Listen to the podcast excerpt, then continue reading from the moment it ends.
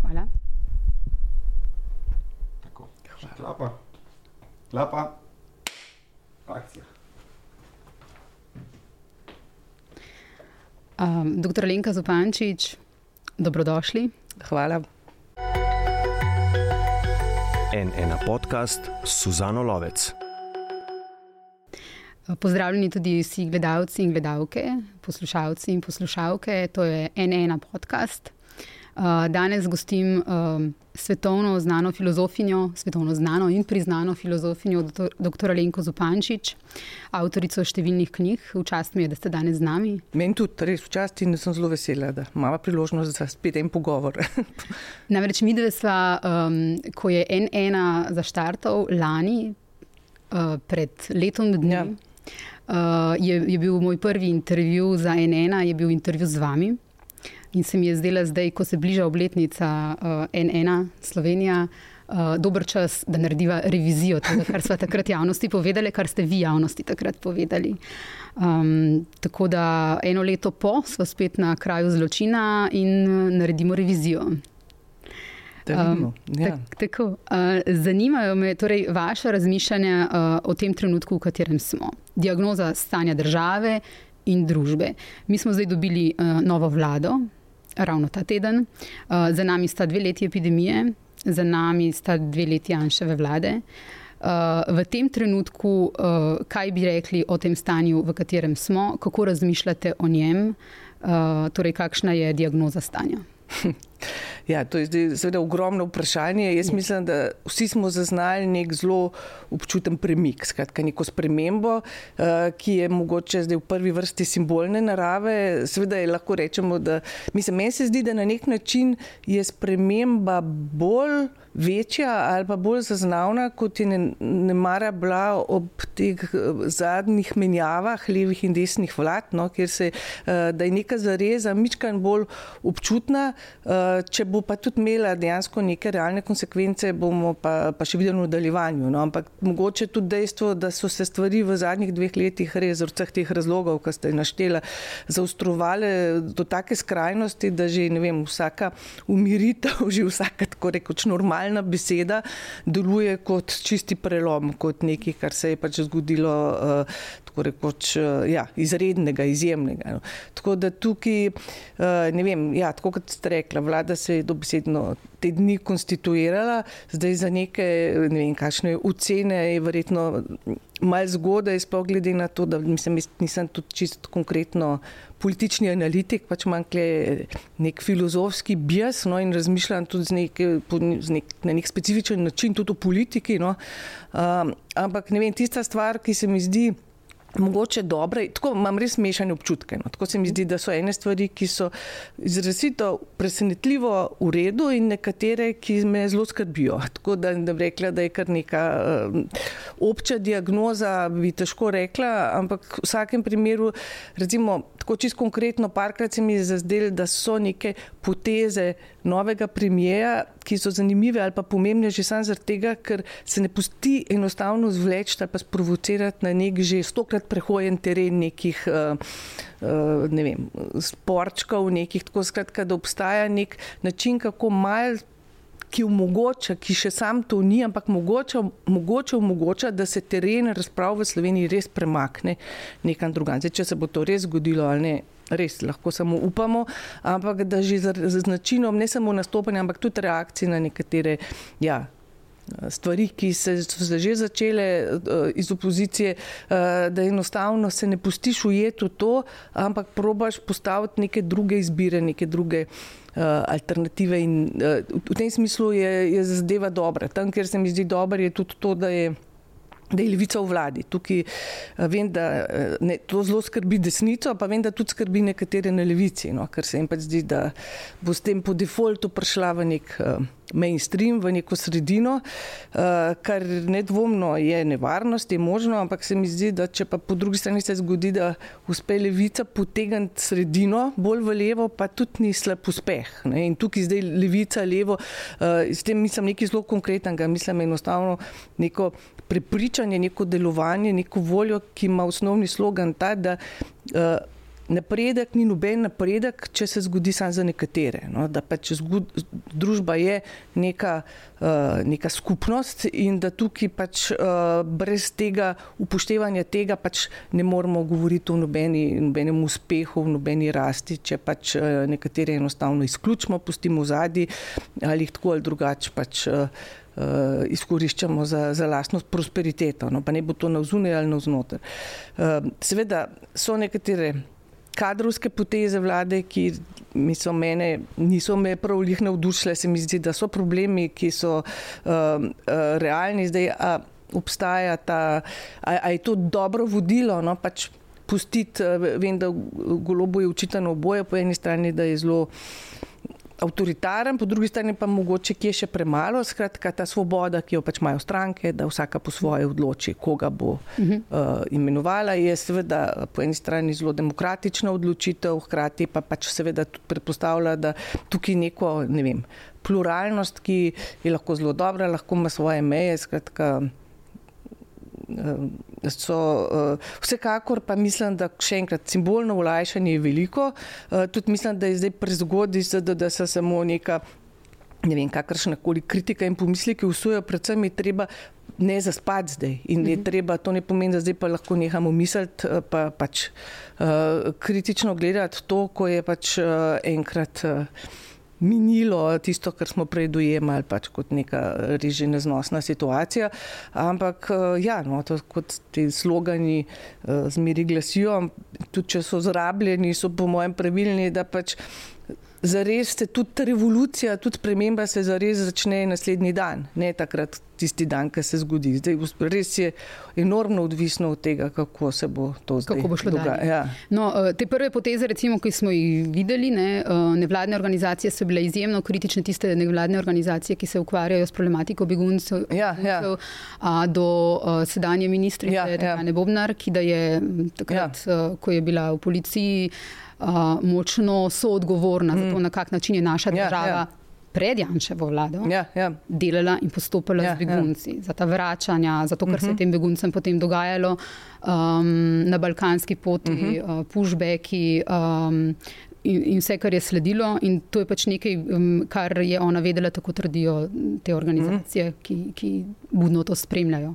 Uh, potem imamo tukaj um, imenovanje Damira Črnčeca mm. za državnega sekretarja, ki je v preteklosti, uh, vemo, kakšne stvari um, tvitev, torej nestrpne. In, um, Gibanje Svoboda ne, in celotna ta vlada je pa v bistvu prišla na oblast na nekih obljubah, uh, o spremembi, o, o, o, o, o, na krilih obljub proti sovraštvu, proti ksenofobiji, proti nestrpnosti. So to recimo dve neke take stvari, kadrovske, ki, ki um, ne samo da dvigujejo obrvi, ampak ki tudi skrbijo vas.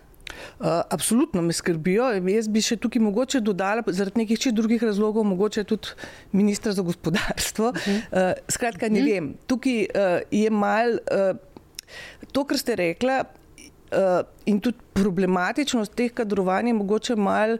Uh, Izhaja iz tega, eh, da ta retorika, ne, da bo zdaj s to, s to svobodo prišel tudi drug, um, drug način nastopanja, manj agresiven, ne bo izključevanja, diskriminacije in tako naprej. Uh, se mi zdi, da v tisti meri, v kateri se je ta problem percepiral samo kot nekaj, kar je navezano na osebo in pojavo Jane Zajanše. Eh, če, če je to ta perspektiva, kaj pomeni, da pač nisi tak, potem je to absolutno preoska perspektiva. Ker, ja, kot ste rekli, so bile. Tako imenovane leve vlade, ne vem, to pač sredinske, kako koli, uh, ki so dejansko postavljale uh, žične ograje na mejah. Skratka, tukaj smo imeli neko politiko, ki absolutno ni prišla iz neke ekstremno desne, ksenofobne Ampak prav nasprotno iz pač neke zelo mainstreamovskega varnostnega refleksa in hkrati neke, kako bi rekla, ksenofobije.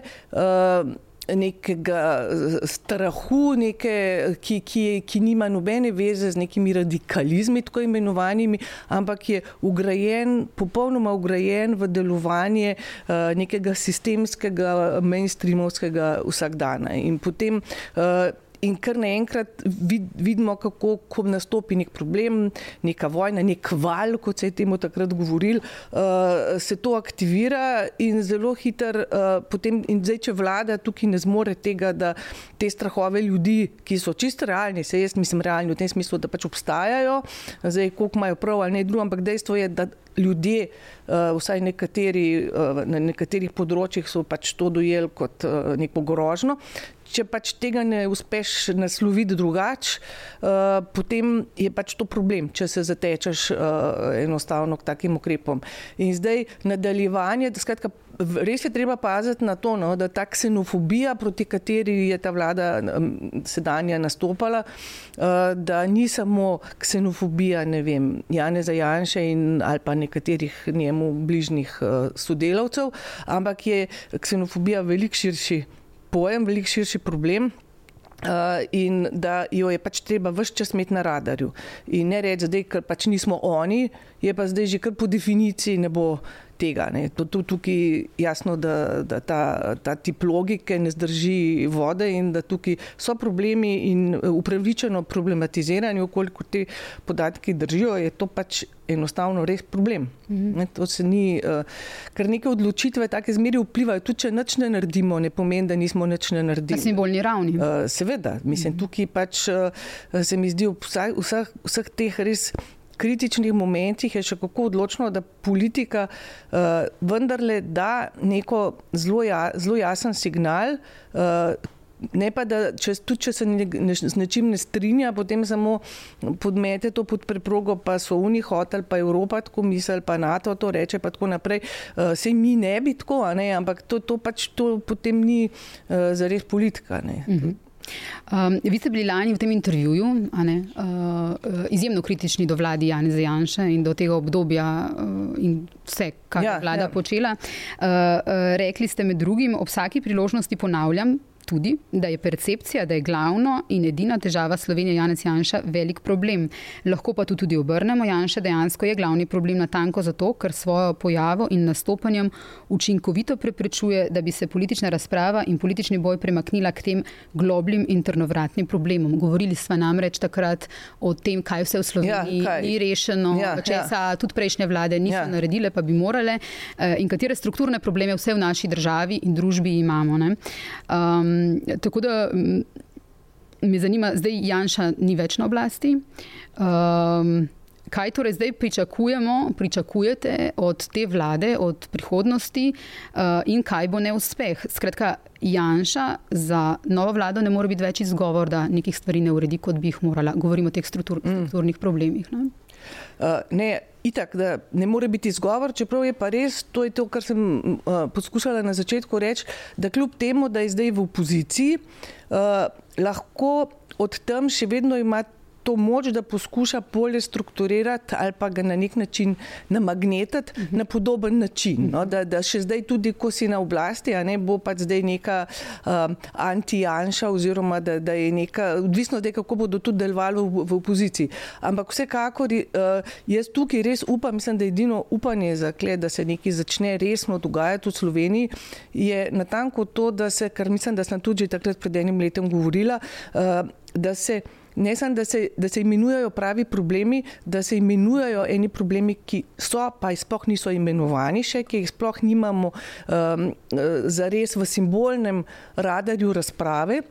Ampak govorimo uh, v marsikaterem oziru res o nekih uh, problemih, ki niso problemi tega časa, oziroma tudi če so, so zdaj na drug način, so artikulirani drugače, jih ni mogoče tako enostavno prepoznati, uh, da bomo samo rekli, ne vem. Uh, Petro Kraka, zvezda ali pa ne, to, pa, pa nam je že tukaj vse jasno. Zelo stvari so bolj kompleksne, so bolj um, trdovratne, tudi v neki inerciji. Um, da ne govorimo seveda o tem, da ta inercija se bo še vlekla, se vidimo, kako se konec koncev stvari dogajajo tudi na RTV, pa še marsikje, kjer se neka uh, inercija določene politike in določenega pristopa k krojenju programov, uh, uh, kadrovanju in tako naprej. Uh, to ni nekaj, kar se čist lahko čez dan preseka in se, se tudi če nadaljuje nek, na, na nek način, ki je duha moran, no, ki je absolutno.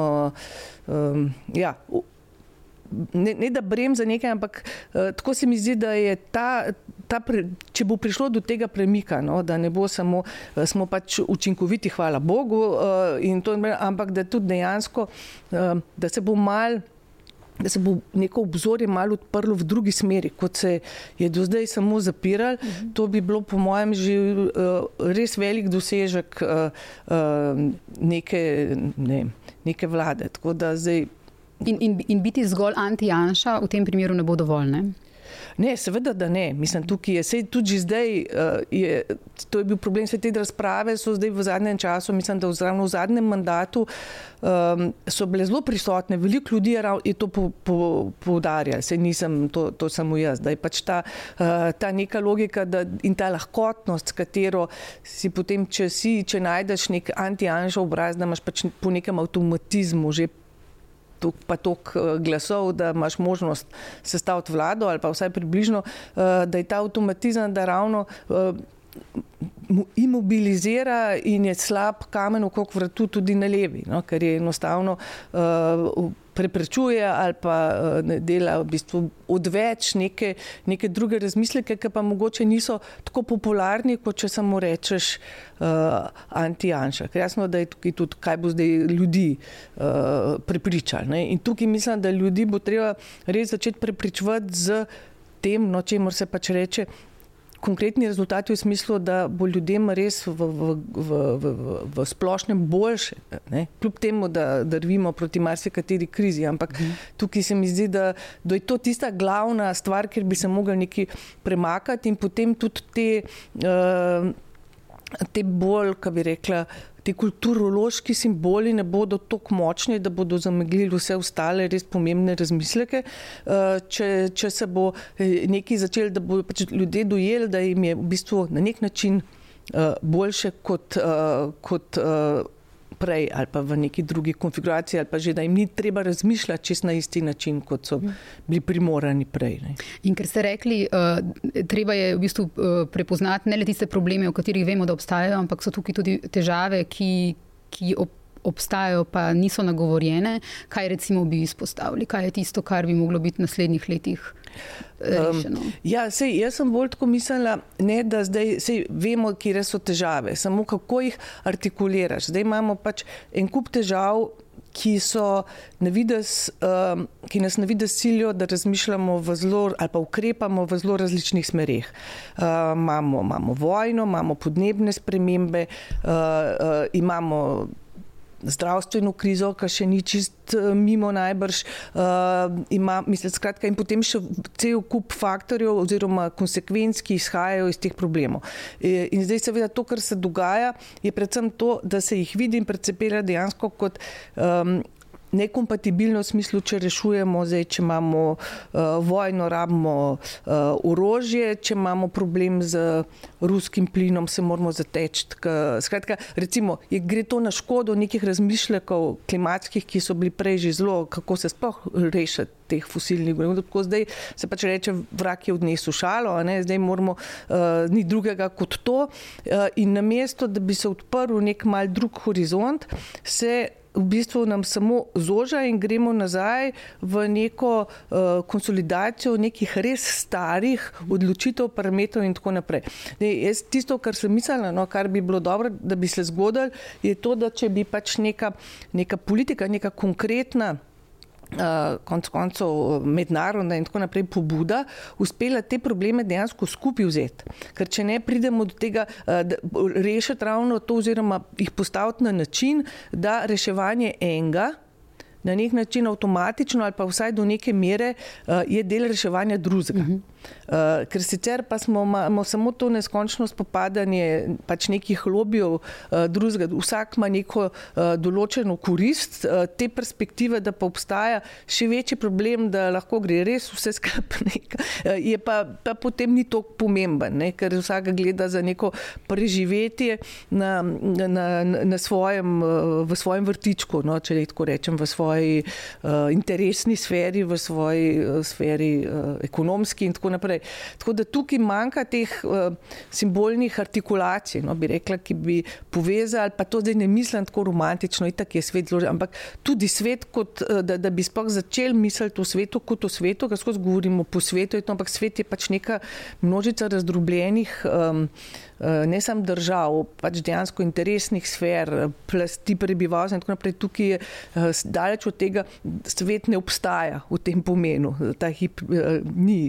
Tudi, to, če rečemo, mi bi mogli, pa bi mogli, kdo je zdaj sploh ta mi, mislim, kdo je sploh ta kolektivni subjekt. Tukaj to, to vse izjemno manjka. No, se mi pa zdi, da včasih so trenutki in so kakšne poteze, kakšne politike, ki jim uspe to mal prišiti, kot se reče, potegniti skupaj in artikulirati te probleme na en drugačen način. No, to sem prej mislila s tem, da ne pa samo, da, da se pač potem izigrava eno proti drugmu na škodo vseh. Vse to je problem, da to ne pomeni, da zdaj, če, dokler bo ta boj teh interesnih sfer na tej ravni uh, veljal kot edina rešitev iz vseh teh kriz, uh, potem bo šlo vse skupaj samo na vzdolj. To, to, to je res velik problem. To se mi zdi. Uh... Skratka, kompletna sprememba paradigme o, v svetu, mislim o našem razmisleku, kako uh, razmišljamo o svet in o rešitvah.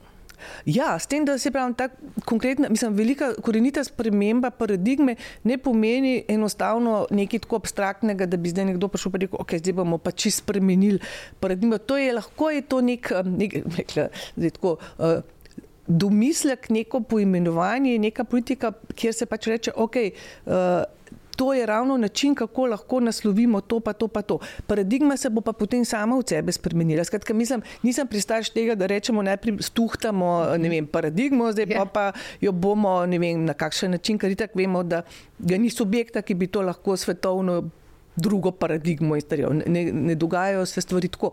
Eh, je pa možno včasih, ne, da, da se nekaj zgodi, mogoče dosti lokalno, nekje, oziroma v, v neki sferi, ki pa odpre možnost navezave na nek dober način in kar naenkrat to potegne za sabo, da je treba pač spremeniti to, pa um, pa tret. V poti ravno um, implementacije tega, pa če to štejemo, da je to nekaj dobro, kar itak nujno rabimo, ne, potem to potegne za sabo lahko tudi neko spremembo paradigme. Ja.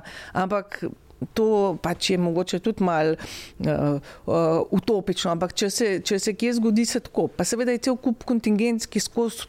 Padajo v to polje. Sej, uh, že v zadnjih dveh letih, kaj vse se nam je zgodilo, ker ni bilo čist predvidljivo, ne, da, se, da se bo in je zelo premešal karte in tudi zelo, um, nam tudi včasih zelo direkt usilil nek razmislek, ki ga prej pač nismo hoteli sploh imeti.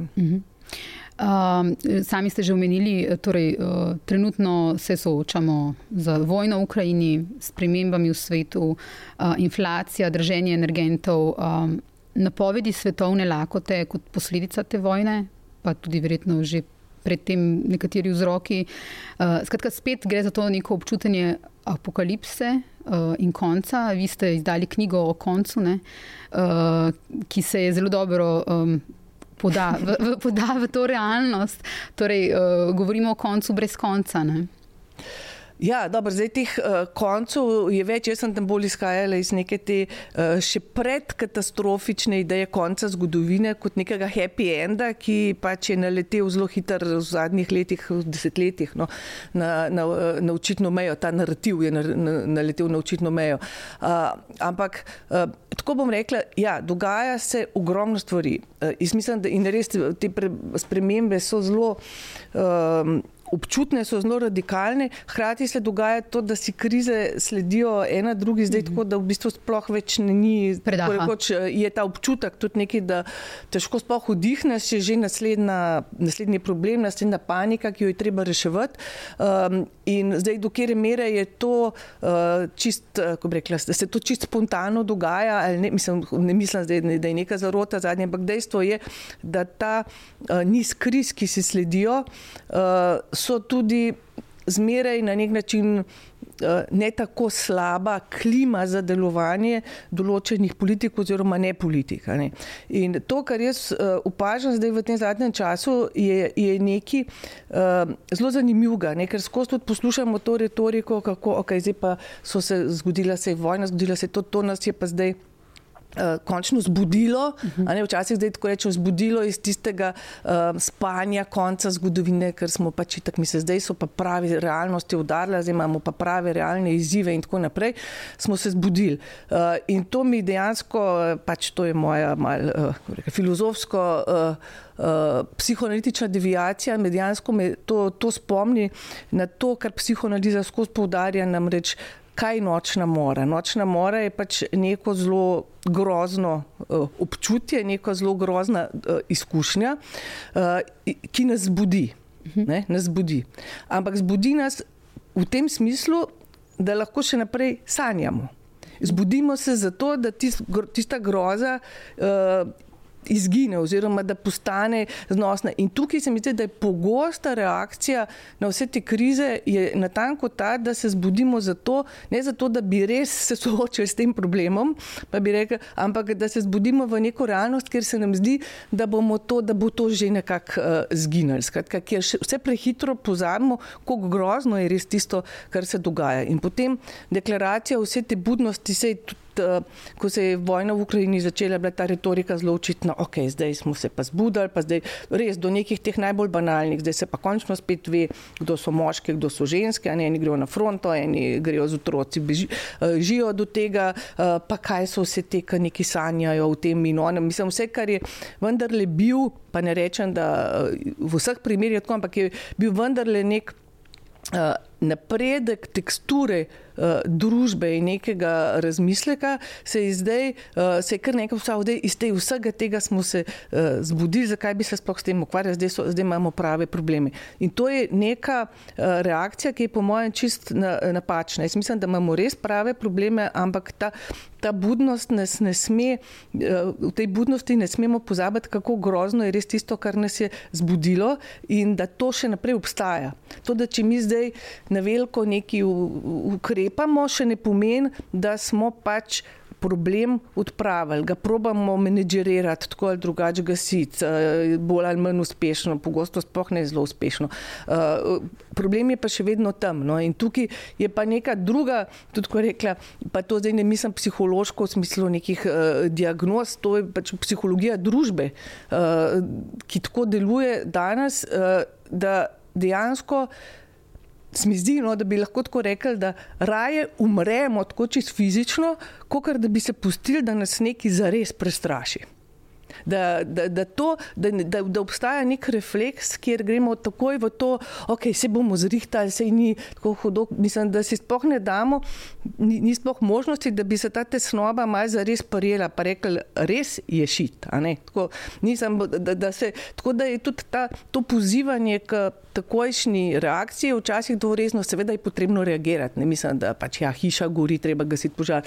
Ampak, kar to sam pomeni, da pozabiš nekaj tam, kar bo požar povzročal, ali pa bo potihem tlevo še bolj intenzivno. Druge, potem je to pač napačno prebojenje in je samo neka libi za to, da se nam ni treba uh, s tem soočati in da je dejansko upažam neko tako bizarno hrabrost v vsem tem, kar vemo. Ne, vse te stvari lahko da zvenijo malo abstraktne, ker niso tako ne bolj jutr komet preletel v zemljo, ampak hkrati pa konec koncev, ljudje smo tudi računalna bitja in e, neki podatki, s katerimi lahko operiramo, neki začuni, pač so tudi zelo realni. To ni zdaj neki, to ni znanstvena fantastika. Ampak kako tukaj ne vem, kot da bi zmanjkalo domišljije, oziroma kot da bi domišljija pomenila samo to, da derealiziramo vse. da Govorite se- o podnebni krizi. Recimo podnebna Ja. kriza, eh, neke stvari, ki, so, ki niso tako, eh, ki jih tudi na mikroravni že zaznavamo konkretno. Konkretno ko je pač kakšna ja. poplava, Ja. Tako, v nekaterih delih sveta še bistveno bolj. Ampak vseeno sveta to ni nekaj, kar bo tak tak, a ne, se, se zgodilo, tudi ni čisto isto kot vojna, ki je tam eh, zdaj le ta hip vsakodnevno. Je neka druga temporalna logika, eh, ampak hkrati pa recimo to, kar sem prej rekla, neka eh, domišljija v tem pomenu, da si zmožen si zamisliti, kaj to dejansko pomeni v nekaj korakih, v nekaj konsekvencah in kako grozen to lahko izgleda, kaj vse potegne za sabo. To je nekaj, kar kot da tudi če obstaja, je čist derealizirano na ravni, kot da je to sam še en filmski scenarij katastrofe. Kot da realno čisto izgine v tem in to je uh, mal problem in jaz, meni se včasih zdi, da, da je neka reakcija um, ali pa neka obramba no, pri tem realnem in enostavno ta, ta nek. Uh, Pogum, ki pa dejansko malo bizarne vrste. No, da, se pravim, ne, da, da, da v bistvu se ne. Pogum, da, ni, to ni pogum, da bi se dejansko malo soočil z enimi stvarmi, ampak je pogum, da pa, pa že ra- raje umrem, kot da bi se s tem soočil. Tako, ampak dobesedno raje umrem. Ne. Ker ste ravno omenili scenarij katastrofe, pa uh, znanstveno fantastiko, se spomnim enega predavanja, na katerem ste omenili uh, film, konec filma Melanholija. Ne? Ja, ja. Uh, ko imamo te tri osebe, Ja, ja, ja. različno, uh, ki, ki Ja, je iz, ja. izjemno, izjemno mučna scena. ja, ja. ne. Uh, težko je gledati to, Ja, to ja. sceno, sploh jaz, recimo, sem jo zelo Ja, ja, ja, gledala, absolutno je tako, saj- Na, na, na fizični ravni Ja, uh, ja. težko. Um, uh, bi lahko tukaj neke paralele povlekli, kako te tri, tri osebe recimo, uh, različno dojemajo um, to, da pač prihaja komet, ki bo povzročil konec, absolutni ko- konec. ne. Eh, Um, tri osebe so in vse tri osebe zelo drugače se od, mm. odzovejo na to. Če mogoče lahko neko paralelo tukaj potegnete. Uh, Zdaj, s tretjo osebo domnevam, da mislite fantka. Tako, tam. Ja, ja, ja. ja.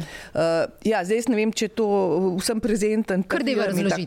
Kar V vsakem primeru je dejstvo, da kot prvo Lars von Trier, to je režiser, je pač mojster tega, da nekaj tako rekoč eh, negledljivega, včasih čustveno, včasih fizično pač proizvede. To je dejansko njegova trademark, tako rekoč, no, da, da, ki se ponavlja v, tako rekoč iz, eh, iz filma v film in tukaj uh, je dejansko za moje pojme je ta konec, skratka, ko se ta planet melanholija bliža Zemlji, ko je že tam in ko smo tik pred tem, da bo pač treščil v to trojico, torej eh, dve sestri in otroka, ki je pač otrok ene od njiju, ki so pa pač liki, ki so že prej tako postavljeni. Imamo to depresivko, melanholičarko, ki v bistvu je tam deluje kot najmočnejši lik, ravno zato, ker pač uh, uh, je lik nekoga, ki na nek način nima več nič izgubiti, oziroma je spet mogoče utelešanje ravno te paradoksalne moči, ki je moč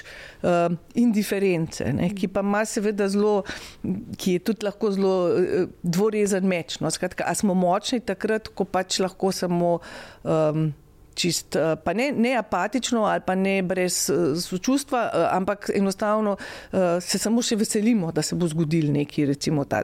Pa potem pač ta, ta drugi odnos in kako otroku pričarati nekaj, kar ne bo, ka- da ne ve, da se dogaja konec sveta in tako naprej. Vem, meni se zdi, da ta scena, predvsem se mi zdi filmsko izjemno uh, močna, ker zaradi kombinacij teh pogledov, no, zlasti dejansko tega uh, ravno uh, pogleda te melanholičnega pogleda na, na ta dva, ki sta še del sveta in na to mamo, ki je pač, ki ne zmore mirno čaka, da bo vsega konc, ki jo pač pograbi radikalna panika, tesnoba, ki pač se zlomi v tistem trenutku. In Uh, otrok, ki in misli, da je otrok, zaščiten. Ki, ki misli, da je zaščiten, in hkrati se mi zdi, da je vsa ta neznosnost te scene izhaja natanko zato, ker je ta pogled, ki je ponavadi res zunanji, ne, ki je na nek način naš pogled na neke take katastrofe, tudi v filmih, ki se dogajajo, je tukaj del eh, same, uh, same te skupine. Ne, same te, na, tako da to, kar ponavadi podpira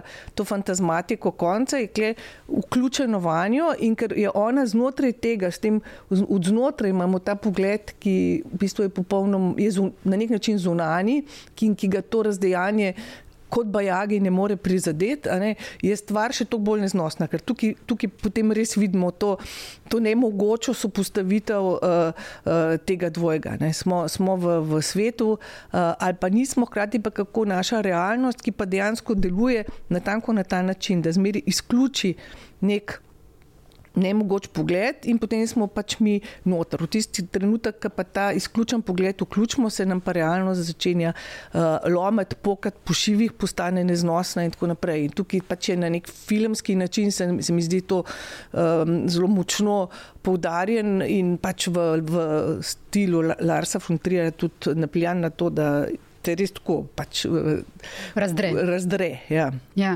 In, uh, lahko tukaj neko paralelo uh, s temi diki potegnemo? Če predpostavimo, da se nam dogajajo neke spremembe, eh, podnebne spremembe, ki vidimo, da se izjemno hitro dogajajo, ne tako počasi, mogoče kot smo mislili, da se bodo, da, se bodo, da bomo imeli milijone in milijone um, migrant, beguncev ja, ja. zaradi podnebnih sprememb, da se bodo določeni deli sveta praktično, ne, figurativno rečeno, skuhali, um, da imamo eh, to prihajajoče napovedi uh, svetovne lakote, svetovni ja. uh, mediji uh, na naslovnicah objavljajo grozljive naslovnice um, o tem, da prihaja pač lakota kot posledica tudi te vojne, ja, ja. ki bo marsikomu spremenila marsikaj. Um, kaj smo mi v tem svetu, katera od teh oseb? Ja, jaz mislim, da smo na nek način ta oseba, ki to gleda od zunaj uh, in ki se ne, ne znajde čez res noter. No, mislim, da smo dejansko razcepljeni na ta dva pogleda. Pač v bistvu gledamo, smo del realnosti, pa hkrati gledamo na njo, kot da obstaja nek zunani pogled, ne, kjer lahko potem in tudi potem na tej ravni razmišljamo, ok, pa če bomo naredili to, pa to, uh, namesto da bi se zavedali, da sploh ni več te zunanjosti, da v bistvu res lahko naredimo samo še od znotraj, kaj, mislim, od znotraj znotraj, zdaj pač v tem imanentnem smislu. Uh, in hkrati je pa ravno ta dialektika uh, zunaj znotraj omogoča, da se stvar. Um, Nadaljuje naprej, ne? ker se ta zunani pogled je tudi tisti, ki ve, ve da se bo to zgodilo. Tudi v tem pogledu, tudi v filmu, tako obstaja ena absolutna gotovost, ne, da, da, da, da, da se to. Mi že tisti drugi pogled je pa to, ja, ampak še vedno, seveda, je to nesprejemljivo. In ta, tako kot je pač tukaj postavljen, mi, mi smo v neki drugi, uh, v, drugi rekla, v drugem položaju, kjer je pač ta absolutna negotovost, absolutno utajena, ne, kjer imamo to. Uh, Pač vemo, da je tako, hkrati pa Eh, vse, kar počnemo v tem svetu, eh, kaže, da tega ne vemo za res, oziroma da tega za res ne verjamemo. Ne?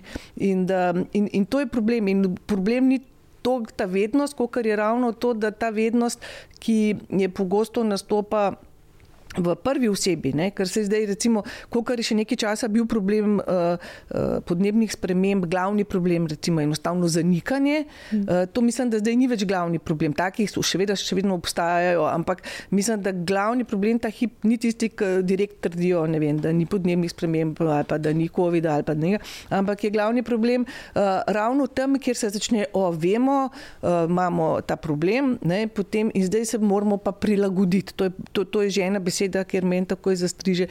Prilaga, če se samo prilagajaš, samo slediš neki spirali, ki gre navzdol. Prilagajanje tukaj ni uh, rešitev. Seveda se mislim, prilagoditi pomeni. Treba intervenirati v, v to spiralo. Če se samo prilagajaš, um, pač pol bo pač preživel tisti, ki bojo, mislim pa tisti, ki se bo, bo boljše prilagodil. Tukaj bi bil potreben nek, če, če, če drug um, skupni razmislek. No? Ampak um, ja, v osnovi se mi zdi, da je problem tem, da se um, perpetuira neka, uh, neka utajitev ne, uh, um, uh, realnosti, ki se izvaja na tanko v imenu tega, da vse vemo. Vemo, da je tako in polk rečemo, se to vse vemo, s tem smo seznani, se nam zdi, da smo s tem že tako rekoč vse naredili. Eh, hkrati pa ravno ta vednost nam preprečuje to, da bi videli, da dejansko v resnici ne verjamemo. Mislim, meni je to tako hecno, no, kako se lahko način, ko nadaljujemo nek business as usual, uh, ob vsej tem, da trdimo, da vemo vse, kaj to pomeni, oziroma da vemo, vem, da bo čez par let, če že ne konc sveta, pa bo svet zelo čuden, potem meni to sam pove, da ne vemo za res. Mhm. Če, če, to, če se ne učituje v tem, kaj konkretno počnemo v tem vsakdanju, potem pač to pomeni, da, eh, da dejansko ne vemo, oziroma da si to vednost uh, utajimo na nek zelo učinkovit način. Uh mhm. -huh. Je pa seveda tukaj neskončno problemov, svet, kot še enkrat ni uh, homogen, podnebne spremembe. Um, Absolutno zadevajo cel svet, ampak na zelo različne načine. Ne. Nismo vsi v istem čovnu. Uh, absolutno nismo bili. vsi v istem čovnu in tudi uh, nekje tudi spoh čovnov ni. Mislim, to, to je pač uh, velik problem in tudi kako te, sej pač obstajajo ravno te premisleke, pobude, kako to pač neko, uh, tukaj neko solidarnost tudi skozi to vse čas peljati, ne? ker uh, uh, seveda prizadevajo ponavadi podnebne spremembe, vsaj v tem trenutku, še najbolj ravno tiste dele, ki so tako imenovano najbolj nerazviti in ki se želijo, da bi bili lahko deležni recimo še nekih določenih uh, tehnologij, tehnološkega razvoja, ki ga je nek drug del sveta že bil in se jim lahko zdi skrajno krivično, da se jim zdaj to v imenu, ampak v imenu pač podnebnih sprememb priprečuje in dokler tukaj ne ne pride do tega res uvijati, da to ni v imenu podnebnih sprememb, v imenu njihove prihodnosti, mislim, zdaj. Je pa zmeri delikatno, ne, za drugega biti dušebrižen, pa drugemu pre, pre, predpisovati, kaj ni, da, eh, kaj ne dela, pa kaj ne. Uh, tako da to je vsekakor je, je kompleksen problem, ampak če, če se na njega tako bi bilo mogoče pogledati malo kot, eh, kot družbeno, iz nekega vidika uh, skupnih problemov, bi pač bilo vsaj malenkost drugačno. Um, lani ste za eh, Val 202 eh, v času epidemije torej, um, govorili o novi realnosti uh, in da se je ta nova realnost, o kateri govorimo, nakazovala že prej. In rekli ste, marsikaj se je dogajalo že prej, absolutno. Tudi to, kar se je lahko zgodilo v tem trenutku, se ni zgodilo kar iz nič, ampak se je lahko zgodilo tako natanko zato, ker se je marsikaj napovedovalo že predtem. Uh, kakšna je torej ta nova realnost, ki se je nakazovala že prej? Um, ja. Zdaj um, sem, sem že malo pozabila čisto konkreten kontekst te, um, te izjave, ampak domnevam, uh, da je to, kar sem imela v mislih, um, to, da uh, pač COVID je prišel v nekem trenutku, ki, eh, ki je kot tak skristaliziral ne, neke eh, probleme, neke eh, krize, neke, ki, ki so vsekakor obstajali že, mhm. že prej in se, se niso pojavili zaradi COVID-a, ampak je pač na, dejansko na površje ali pa vsem na oči privedel neke resne družbene pač, uh, probleme pa šibkosti. No, tega je bil, uh, zato to se mi zdi zabavno, kot pravi. To je zdaj tudi mišljeno kot zabavno, ampak stresni test zdravstva, ne? mislim, COVID je bil stresni test zdravstva že v marsikaterem uh, pogledu in uh, dejansko se je uh, res uh, videl, uh, marsikaj hkrati pa. Uh, se je govorilo, da bo zdaj to nekaj, no, spet je mal problem tega prilagajanja. Eh, nova normalnost pač po eni strani pomeni, da se zbudimo v nekem svetu, kjer tako rekoč čez noč začnejo veljati druga pravila, vsaj ta, ta občutek imamo. No. Ampak hkrati ja, so pa ta pravila, ki začnejo veljati čez noč, uh, vendarle neka. Ko bi rekla, bolj ali manj zavestna odločitev, glede na to, kako so vsi ti problemi obstajali že prej. Skratka, lahko odreagiramo, ko se ta zaostritev, ko se to res zaostri v tem meri, lahko reagiramo, vendarle na različne načine. In tukaj je potem, in v tem smislu se ta nova realnost potem šele zares uh, ustvarja, kreira, ne glede na to, da je hrana te nove realnosti in to, kar jo sili biti nova, obstajali že prej. Uh, tako, verjetno je bilo tako mišljeno, no. Um, Če mogoče ne povzameva vse to, kar ste zdaj govorili, na kakšnih prekretnicah, križiščih eh, je torej zdaj eh, trenutno svet, rekli ste, svet kot tak ne obstaja, ampak to, kar se zdaj dogaja, a so to sploh, eh, a so to navidezna križišča, to, kar se mi zdaj sprašujemo, kam, po kateri poti bomo šli, kaj bomo delali, ali je potek tukaj že utirjen?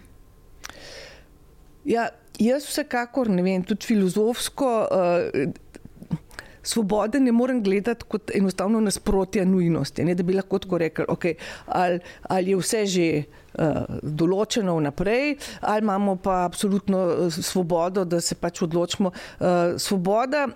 V, pač za moje pojme, absolutno obstaja, ampak je uh, ključna uh, na neki drugi ravni. Namreč lahko bi jo tako opredelili, no, da svoboda v tem res um, uh, rekla, temeljnem pomenu besede, no, ki je drug kot so recimo svoboščine, ki so tudi pomembne, ampak je to, to je zdaj neka druga recimo raven svobode, o kateri govorim.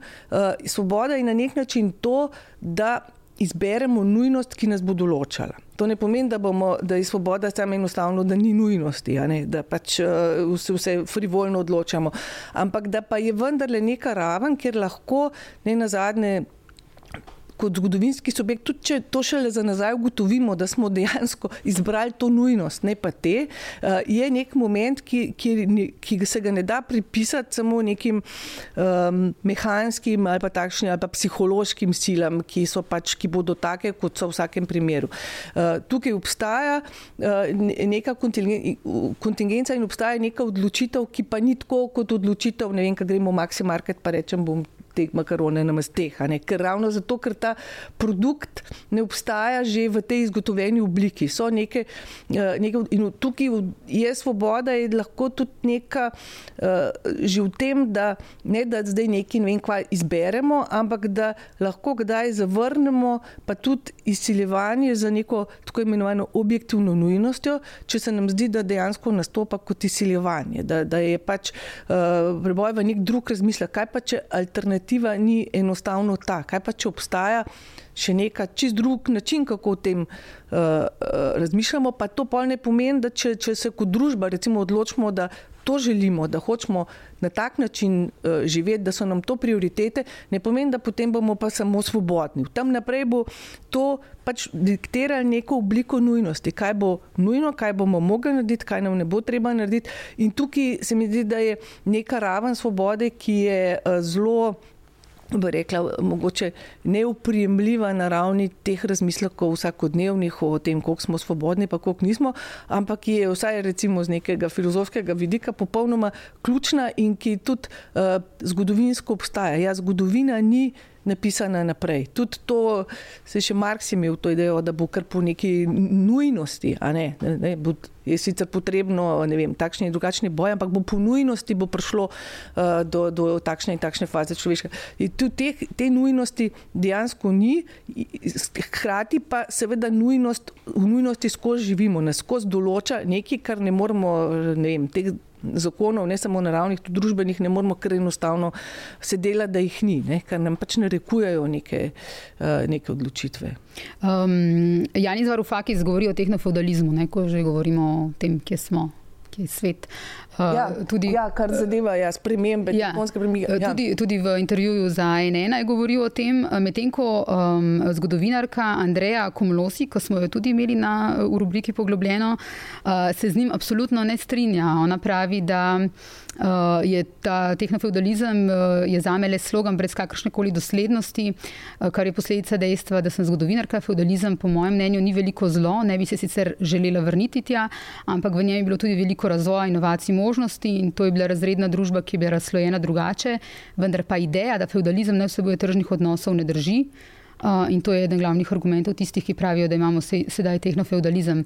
Um, kako vi gledate na ta izraz tehnofeudalizem, oziroma ali smo v neki drugi. Uh, uh, V nekem drugem sistemu, uh, ker vi ste tudi lani, ko smo govorili, ja, ja. zelo poudarjali, da kapitalizem se v tem trenutku ja. preobraža, zelo divje se preobraža. Ja, ja. Rekli, ne? Uh, ne, jaz mislim, da pa često. Uh, kot prvo te razprave o tehnofeudalizmu ali pa tudi ne vem, takšnem ali drugačnem uh, neofeudalizmu obstajajo različne. Recimo Jodi Din je še ena uh, teoretičarka, ki nima čiste varufakis linije ki, in tudi ne, ne trdi, da je to tako, ampak gre zelo podrobno analizirati, v bistvu, kaj so te spremembe, ki jih lahko zaznamo ta hip v kapitalizmu, ki dejansko spominjajo na neke, kako bi rekla To, to je zdaj jasno, da zmeri poimenujemo nekaj na tak način z nečim, kar uh, nam je nekaj znano. Ne? Zdaj, če bomo rekli, da je zdaj ni več kapitalizem, ampak je uh, prikutizem, potem pač bomo vsi sam pogledali, okay, kaj pa zdaj. Zdaj tukaj, jasno, da uporabimo to besedo,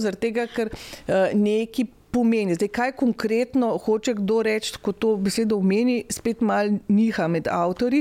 In jaz, kot jaz razumem, v Rufaki se pač on poudarja predvsem to, kako se je ta. Uh, logika, tako imenovana tržna logika, ki sicer nikoli ni čist za res dokončno delovala tudi v najbolj vem, liberalnem kapitalizmu, uh, ampak in kako in ta klasični način tudi eksploatacije, da pač rečemo, eh, delavci so zaposleni za nek profit, se jih izkorišča, se jim pač potem tisti profit se potem ulaga v novo, recimo tovarno ali karkoli, ki bo potem lahko še bolj izkoriščala in skratka, eh, da, da upozori, no, to se mi zdi, da je nek moment, ki se mi zdi, da je točen, na nek preobrat v tem, kako sam kapitalizem vidi in išče profit, v katerem se do neke mere, to seveda ne pomeni, da zdaj tega več ni. Uh, izkazali, da tudi izkoriščanje delavcev ni več dovolj profitabilno za veliko kapitalne. V Rufaki so okronski primeri, meni se zdi to, da pač Volkswagen v nekem trenutku se odločil, da na mesto, da odpre še eno tovarno, kjer bojo pač na tradicionalen način izkorišča oziroma koval profita, ne, je raj kupil svoje lastne delnice na borzi. Skratka, v, da tukaj je pač ta sfera spekulativnega kapitala, ki ima neko svojo logiko, ki je hkrati čista fikcija, hkrati pa še kako vpliva na naše uh, materialne pogoje in na to, da na nek način uh, delavci, marsikje niti delavci niso več, mislim, v bistvu še, še za izkoriščati niso več prikladni. No. To seveda ne, ne pomeni, da je to eh, že kar posod tako. No, ampak mislim, pa seveda so ti primeri Amazona, pa teh nekih uh, podjetij, ki dejansko delujejo feudalno v tem pomenu, da pač so lastniki celega, da to so pač rekoč, kot gradovi z nekimi, eh, to je čisto drugo, to so sistemi znotraj sistemov. No.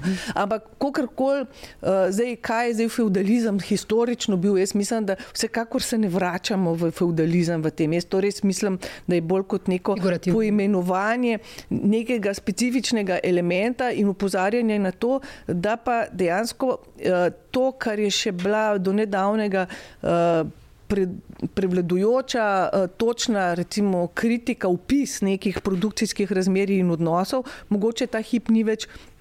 Čist na ta način uh, uh, uh, adekvaten, in da se stvari dogajajo ja, pač še tudi zelo eh, in vedno bolj eh, po nekih drugih poteh, ki so še bolj zlovešče. Vse poanta je v bistvu ta, no, da, ne, da, gremo, eh, da, tukaj, da, da gremo na boljše, da, da gremo še na slabše in konc koncev tudi to, da kapitalizem ne potrebuje tega famoznega okvira demokracije, nujno da deluje, kot se je nekaj časa se je pač mislil, da to kapitalizem da jamči, a ne ja. demokracijo.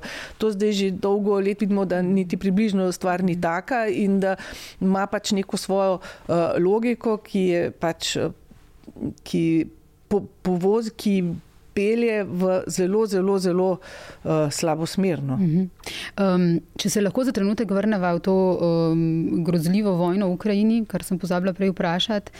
Um, Eh, Pusi Rajot, ki so bile uh, pred dnevi v Ljubljani, so za Hrvaški ena, kjer so tudi bile, uh, rekle, um, mi smo Rusija brez Putina. Uh, kaj je Rusija brez Putina? Ja, mislim, pač tukaj. Ali pa mogoče, kaj je svet brez Putina? Ne vem, to, to je pa po mojem sploh uh, težko reči. Mislim, Jaz mislim, da Rusija vsekakor, eh, se, absolutno sem pripričana, da Rusija eh, ne, ne moramo enostavno enačiti s Putinom. Absolutno. To je pač. Evidentno, da pač Rusija je nekaj drugega in da Putin in njegova politika je pa pač nekaj, kar nedvomno tudi Ruse drži za, za, za talce v, v pač neki, eh, v, v neki hm, geopolitični um, vojni in merjenju moči, ki ni vojna rekla, ruskega ljudstva. In jaz mislim, da, to, da, da tudi to direktno uh, izenačevanje vsega ruskega z uh, nekim zloveščim bavbavom je popoln nesmisel. Da ne govorimo o tem, da, da, da se pogosto. Uh, Ne, tudi danes, če, če nekdo samo to razliko da ali pa problematizira, recimo način, kako se je um, Evropa tukaj pustila dejansko Putinu potisniti v naročje Amerike, brez vsakega boja, tako rekoč. Ne? Uh, da se hkrati uh, tiste, ki ravno to problematizirajo da, da, da, in vidijo tudi Putina kot glavnega akterja tega, da se reče, da so proruski. To, to je, uh, tukaj jaz vidim, da je neka taka zelo, zelo uh, zanimiva, uh, ko bi rekla, uh, kratki stik uh, med tem, kaj. Putin, Rusija, Putinova Rusija, Rusija kot ta, tip, ta hip obstaja, pogosto se reče, ja, če si proruski, si levičar. Rusija, ta hip. Je ena najbolj grozljivih kapitalističnih držav. Rusija ni, ne moreš biti levičar, pa biti proruski. Mislim, to lahko samo kakšni naši desničari ne umijo. Mislim, pač Rusija ta hip ni alternativ, ničemer ne predstavlja ne simbolno, ne realno neke alternative kapitalizmu, neoliberalizmu. Ne. To je pač eh, ena specifična oblika tega, kjer pa absolutno veljajo. Eh, oligarhijo, te, z, z oligarhijo, z pač ima neko še svojo specifiko kapitalizma, ampak če gledamo vse podatke. Po ne, stopni neenakosti, plačne neenakosti so tam nekje z američani, po stopni premoženske neenakosti so pa še uh, to pomeni še vse neprižne, tako so pa še bistveno višji. To pač ne morejo biti mokre sanje levičarjev in tudi niso. Mislim, to je, to, to, to, te zgodbe so kar neki. Pač Rusija v tem smislu je samo pač nek simbolni protipol. Eh, nek drug tip gospodstva in gospodarja, kot je Amerika, vsekakor pa ni alternativa. In tukaj je, mislim, jaz tisto, kar eh, pač zgrozo ugotavljam, pa ne samo jaz, je tukaj, da alternativa, ki bi lahko prišla eh, iz uh, Evrope kot ravno nekaj, kar ne pristane na to izsiljevanje, zdaj proruski, a ste proameriški, ampak ki gradi neko svojo, pa ne zdaj v konfliktu, njim, ampak ki gradi neko svojo politiko, to je šlo zdaj čist. Uh, iz programa. Ne. To je zdaj, uh, se dejansko so se stvari tako obrnile. Da, da, tako da, ja, mislim, da je Rusija in pač tudi imam veliko veliko. No, pač poznam ljudi, ki so tam že od prvega dneva demonstrirali in tako naprej. Skratka, seveda, da, da je to. Da, da, da Rusijo ni, ni mogoče na ta način uh, pod ta monolit uh, spraviti, no, da pomeni nekaj čist drugega, kot, uh, kot pač je čist drugega. Pač jasno pa, da so tam so, ta, in so tudi v del te vojne. To, to je dejansko je to zelo hud problem. In, in da so verjetno prvi talci pač te Putinove Rusije, uh, Ukrajinci tudi vsi mi bomo, če bo prišlo do te uh, svetovne lakote, ampak da so verjetno takoj na drugem mestu za Ukrajinci, verjetno tisti Rusi, ki si uh, ne želijo Putinove Rusije. Ne želijo, ja. Sej, tukaj zdaj to, te statistike, koliko je takih, ki si želijo. Mm. To, mislim, da moramo ravno razumeti on stran tega. Ker zdaj tudi, če ti uh, si tam nekje, si predstavljam, ne, v, v, nekje v Rusiji, kjer imaš pač neko določeno predstavo v svetu, ki si jo pač izgradil tako, kot si jo lahko, uh, to ne pomeni, da si ti zdaj globoko v sebi za vojno z Ukrajino. To pač pomeni, da ti neka konfiguracija, tako razumeš, kot je bila lahko tudi tisti, hočemo reči, ki recimo podpirajo. Ali kaj to ne pomeni, da so to ljudje, ki bi zmeraj v vsakih okoliščinah podpirali to, ampak če, če ti politično nastaviš to, ali če ti politično to vojno začneš, potem pač uh, prisilaš, mislim, potem se pač tudi to potegne za sabo, kako se, uh, med čem so se ljudje sploh prisiljeni odločati in kako so se prisiljeni uh, pozicionirati. No. Je pa dejstvo, da ta, um, ja, no, skratka, to, to, to izsiljevanje, ta, to zožanje uh, obzorja, ki se nam zdaj dogaja s tem, ko se zelo hitro samo potegnemo nazaj na neke res starodavne, hladnovojne uh, pozicije, uh, konflikte, upisovanje, uh, de, de, reka, definiranje teh pozicij, to je res kar uh, velik problem. No. Mm -hmm. Ker tudi, seveda, uh, ko rečejo, zdaj je pač vojna, je, moraš izbrati stran. Ne? Jaz se popolnoma strinjam, tukaj ni neutralnost. In mislim, da je neutralnost Ja, neka. da je težko, Sem, si eh, za da je- vojno, da je- težko ja, ne obsodiš tako smo videli, agresije, kaj neutralnost pomeni, v. Ja. ko se je začel eh, pač v Bosni in tako naprej. Pač neutralnost, tukaj, tukaj jaz ne zagovarjam stalno neutralnosti, ampak zagovarjam pa, da tudi če se postaviš na eno stran, še vedno odvisno. Kaj, kaj je tisto, s čimer se postaviš na to stran? Kaj so tisti uh, ukrepi, kaj delaš, kako in potem tudi to za prihodnost Ukrajine pomeni takšno ali pa drugačno Ukrajino. Mislim, da to zdaj, a bo Ukrajina v končni fazi res ne vem. Uh, Demok demokratična, pač neka uh, država, ki jo lahko imamo kot nek dober, ali pa bo neka boljše, uh, da, da se bo recimo simpatiziranje z fašizmom, ki verjetno do neke mere, tudi če obstaja, je pač kot v vseh državah obstaja. Ne? Potem, pa, če, vojne pa imajo to moč, da potegnejo ven ravno to, kar v nekih normalnih okoliščinah ne bi prišlo na dan. Sej se tudi, uh, to, to smo bili priča v, v tej sloviti balkanski vojni, sej, ko je recimo v nekem trenutku v Bosni edina točka identifikacije postala samo še vera. Mislim, sej, kako, kako se je porast tega, pa zdaj mislim, da je s tem čeloma kaj narobe, tako, ampak radikalizacija na podlagi neke verske opredelitve je postala. Uh, Ne zaradi tega, ker bi ždela in tlela nekje v globoko v ljudeh, ampak zaradi tega, ker v neki konfiguraciji, ki je bila vojna, so se Srbi opredelili kot Srbi, Hrvati kot Hrvati, njim je ostalo muslimanstvo kot edina uh, identiteta. Ne? In tukaj so te stvari to mal, uh, skratka, hotela sem samo to reči, da Postaviti se na eno stran, uh, še ni konec debate, tam se šele začne. In dejansko je tudi, uh, mislim, vem, to, mislim, da je Žižak rekel, ne, je problem je tem, kaj bo zdaj ta Ukrajina, za katero se borimo. Uh, čisto vsebinsko, kaj, kaj to pomeni. In tukaj se mi zdi, da teh razmislekov pa absolutno premalo, ne, da je to zdaj pač neki, kar tam je. Ni, ni odvisno je kaj, zelo od tega, kaj uh, se bo dogajalo in kaj bomo tudi mi skozi to.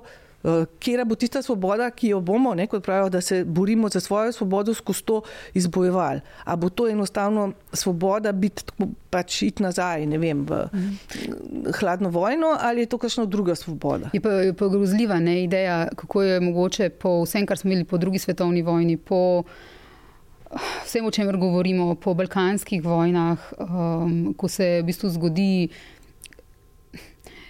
Še vedno je obsta, to vprašanje, kako je mogoče, da gledamo v Ukrajini, ja, vojno, ja. da rušijo bolnice, da ja. uh, uh, se dela genocid nad prebivalstvom. Kako, še vedno je to, to vprašanje, kako je to mogoče v ja. človeštvu, še vedno izpade kot naivno. To, to je v bistvu največja groza tega. To, da to trpljenje ljudi, ki nastane iz nič, ki nastane iz tega, ja, da se nekdo vojne želi. Tudi, ja, ja, ja, ja. In še vedno to, ja, in to vprašanje tudi, spade naivno. Ne? Ne, to, to, to absolutno in tudi se mi zdi, da je res problem tistih, ki to probajo v tem smislu relativizirati uh, v imenu neke predzgodovine, ki je tam. Ja, seveda, predzgodovina je obstajala uh, pač uh, tega, rekla, konflikta. Ampak to, da nekdo zasede drugo državo, to, to je prekoračitev neke meje, ki jo nobena predzgodovina ne more upravičiti ali pa pojasniti. Ja, se je razumljivo. Ne, ni nič ni razumljivo. Mm. Pač so neke meje, so neke točke, v kateri je situacija popolnoma druga. In tukaj se mi zdi, da je dejansko se je tudi cela ta dinamika reakcije. Mislim, tukaj je res marsikaj, če ne skoraj vse, se zelo čudeni narobe odvijali. Ker mislim, da neka prva predstava Zahoda je bila dejansko ta, ki je bila tudi ruska, ne se mi zdi v neki meri, da to bo i tako v treh dneh konec, ne, ali pa tako, zelo, zelo na hiter, ne, je bilo, kar se ni. Uh, in se je potem malo začel razmišljati iz teh izhodišč, potem se je kar nekaj izkazalo, da prav nasprotno to bo. Uh, in potem so neke strategije, ki, so bile, ki bi bile mogoče smiselne, če bi smiselne, ali pa pač bi imele nek minimalni rezon, da je tako, če bi pač dejansko šlo za nekaj takega. Uh, hkrati pa so mogoče prav te strategije povzročile, da se pač zdaj stvar. Uh, Vleče in zdaj pa se dogaja na tanko to, da ni, uh, mislim, meni se zdi grozljivo, ker ne, ne vidim čez dober konca. Hkrati so seveda te interese, to, kar ste rekli, se delamo to se dogaja, kako je sploh mogoče. Hkrati vidimo, da eni tokovi so prerezani, ne vem, žito je tam. Tako, to je Boštjan videl še prejšnji teden ravno tukaj. Teče, ja, ja. Skratka, to je, zdaj, kako tudi naprej, o, pa te ukrepi, mislim, ukrepi so tudi zelo bizarni, če jih odblisko. Hočem reči, njihova implementacija, njihovo učinkovanje, zdaj, kaj na ta način delamo, ja, rubelj izrasel, konc koncev, uh, to je, pač kaže, da je, uh, rekla, uh, strateški premislek tukaj pač ni šel v, v pravo smer, no, enostavno. In, tukaj, uh, in potem, pa, potem pa samo te podobe, a ne seveda, mislim pa pač neko, tudi ljudi, pol, ko vojna nekaj časa traja in ko to vsak dan so te podobe, vemo, kaj se pol zgodi. To je pač že samo še nek ja. background noise, ne, postane. Prvi hip smo ogorčeni, je to ne mogoče, tako.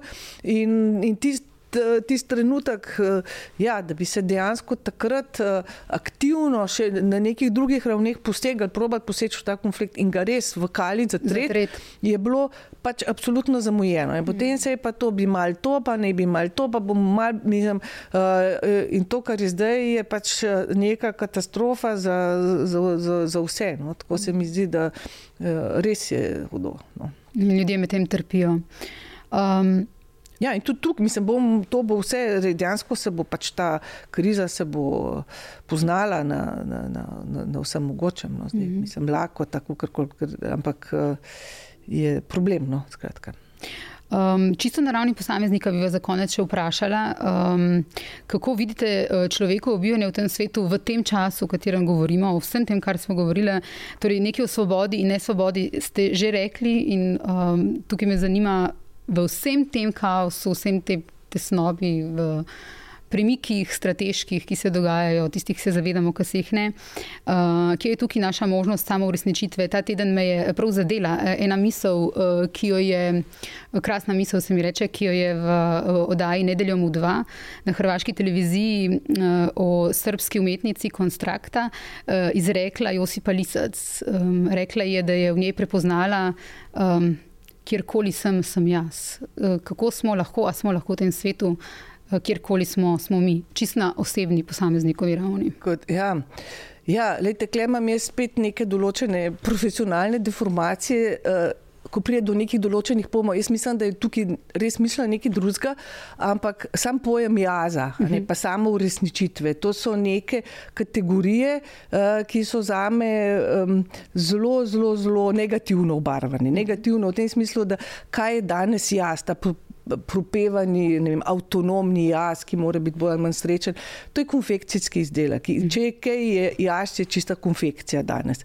Uh, in je tudi se mi zdi tudi ta, ta kultura selfijev, pa vsega tega zelo lepo kaže v tem, kako ta um, samo izgradnja v tem pomenu v bistvu ne pomeni nič drugega, kot poskušati ugajati nekemu imaginarnemu pogledu, ki še kako ni jaz, ampak je pač uh, neka predstava o tem, kako si ti videti v očeh uh, drugega. Ne. Ampak nisem o tem spraševal. Jaz mislim, ja. da ja, ne se samo zato, ker jaz. Ja. Zdaj, hočem reči, tam, kjer jaz pomeni, da prideš v neko situacijo z vso svojo lastno predstavo, prtlago, ki je ponavadi uh, absolutno ni nič avtentičnega, ampak je proizvod nekih uh, identifikacij, imaginarnih simbolnih. In če to vlečeš za sabo vsaka situacija, to vsekakor ni nič dobrega. To, kar je mišljen, po mojem, in eh, kar bi jaz prej poimenovala eh, subjekt, je trenutek subjekta, za razliko od jaza, je pa ravno nekaj drugega, pa ni tisto, da, da lahko tudi kar vnaprej vemo, ja, to, to, to je zdaj, o, to je pač jaz, to smo mi, ampak ravno tisto, kjer je nek, ko bi rekla, nek nemir, neka želja, neka, ki, ki, ki, neka, ki v sebi neki bolj, mislim, neka negativnost, ki pa ima absolutno pozitivno razsežnost v tem, da lahko res kaj spremeni, premakne, kreira, da razpre neko polje. Neki, uh, skratka, v tem smislu pa še kako drži, da pač, če, če smo sposobni v vsako situacijo, v kateri se znajdemo, kjer smo tam, dejansko delovati v tem smislu kot kot subjekt, eh, ne kot nekdo, ki samo to pač požegna ali pa ki popil na vase to situacijo, ampak ki jo dejansko mogoče razpre, eh, problematizira, pa ne nujno tako kritično, z neko gesto, z neko ne nujno nekim refleksivnim kriticizmom, ampak eh, z nečim in da vsakeč, ko se nekje tako znajdeš, vznikne si ta subjekt, to, to pa je po mojem, in jaz domnevam, da je bilo to mišljeno. No. S tem, da jasno pa, da danes smo še v tej dodatni uh, zagati, pa mogoče ne samo danes, da bi bilo zelo, pač, da je zelo pomembno, no, da, da, da subjekt razumemo tudi kot nekaj, kar je lahko kolektiven subjekt. -huh. kot, in, in, se pravi, s tem ne mislim množico vseh, ampak kot nekaj, kar iz neke množice lahko vznikne, ravno kot neka ta njena skupna točka te možnosti nekega premika, preboja v tem smislu kolektivni, da, da pač nek subjekt, ki je več kot seštevek vseh posameznikov, pa njihovih takšnih in drugačnih, a ne.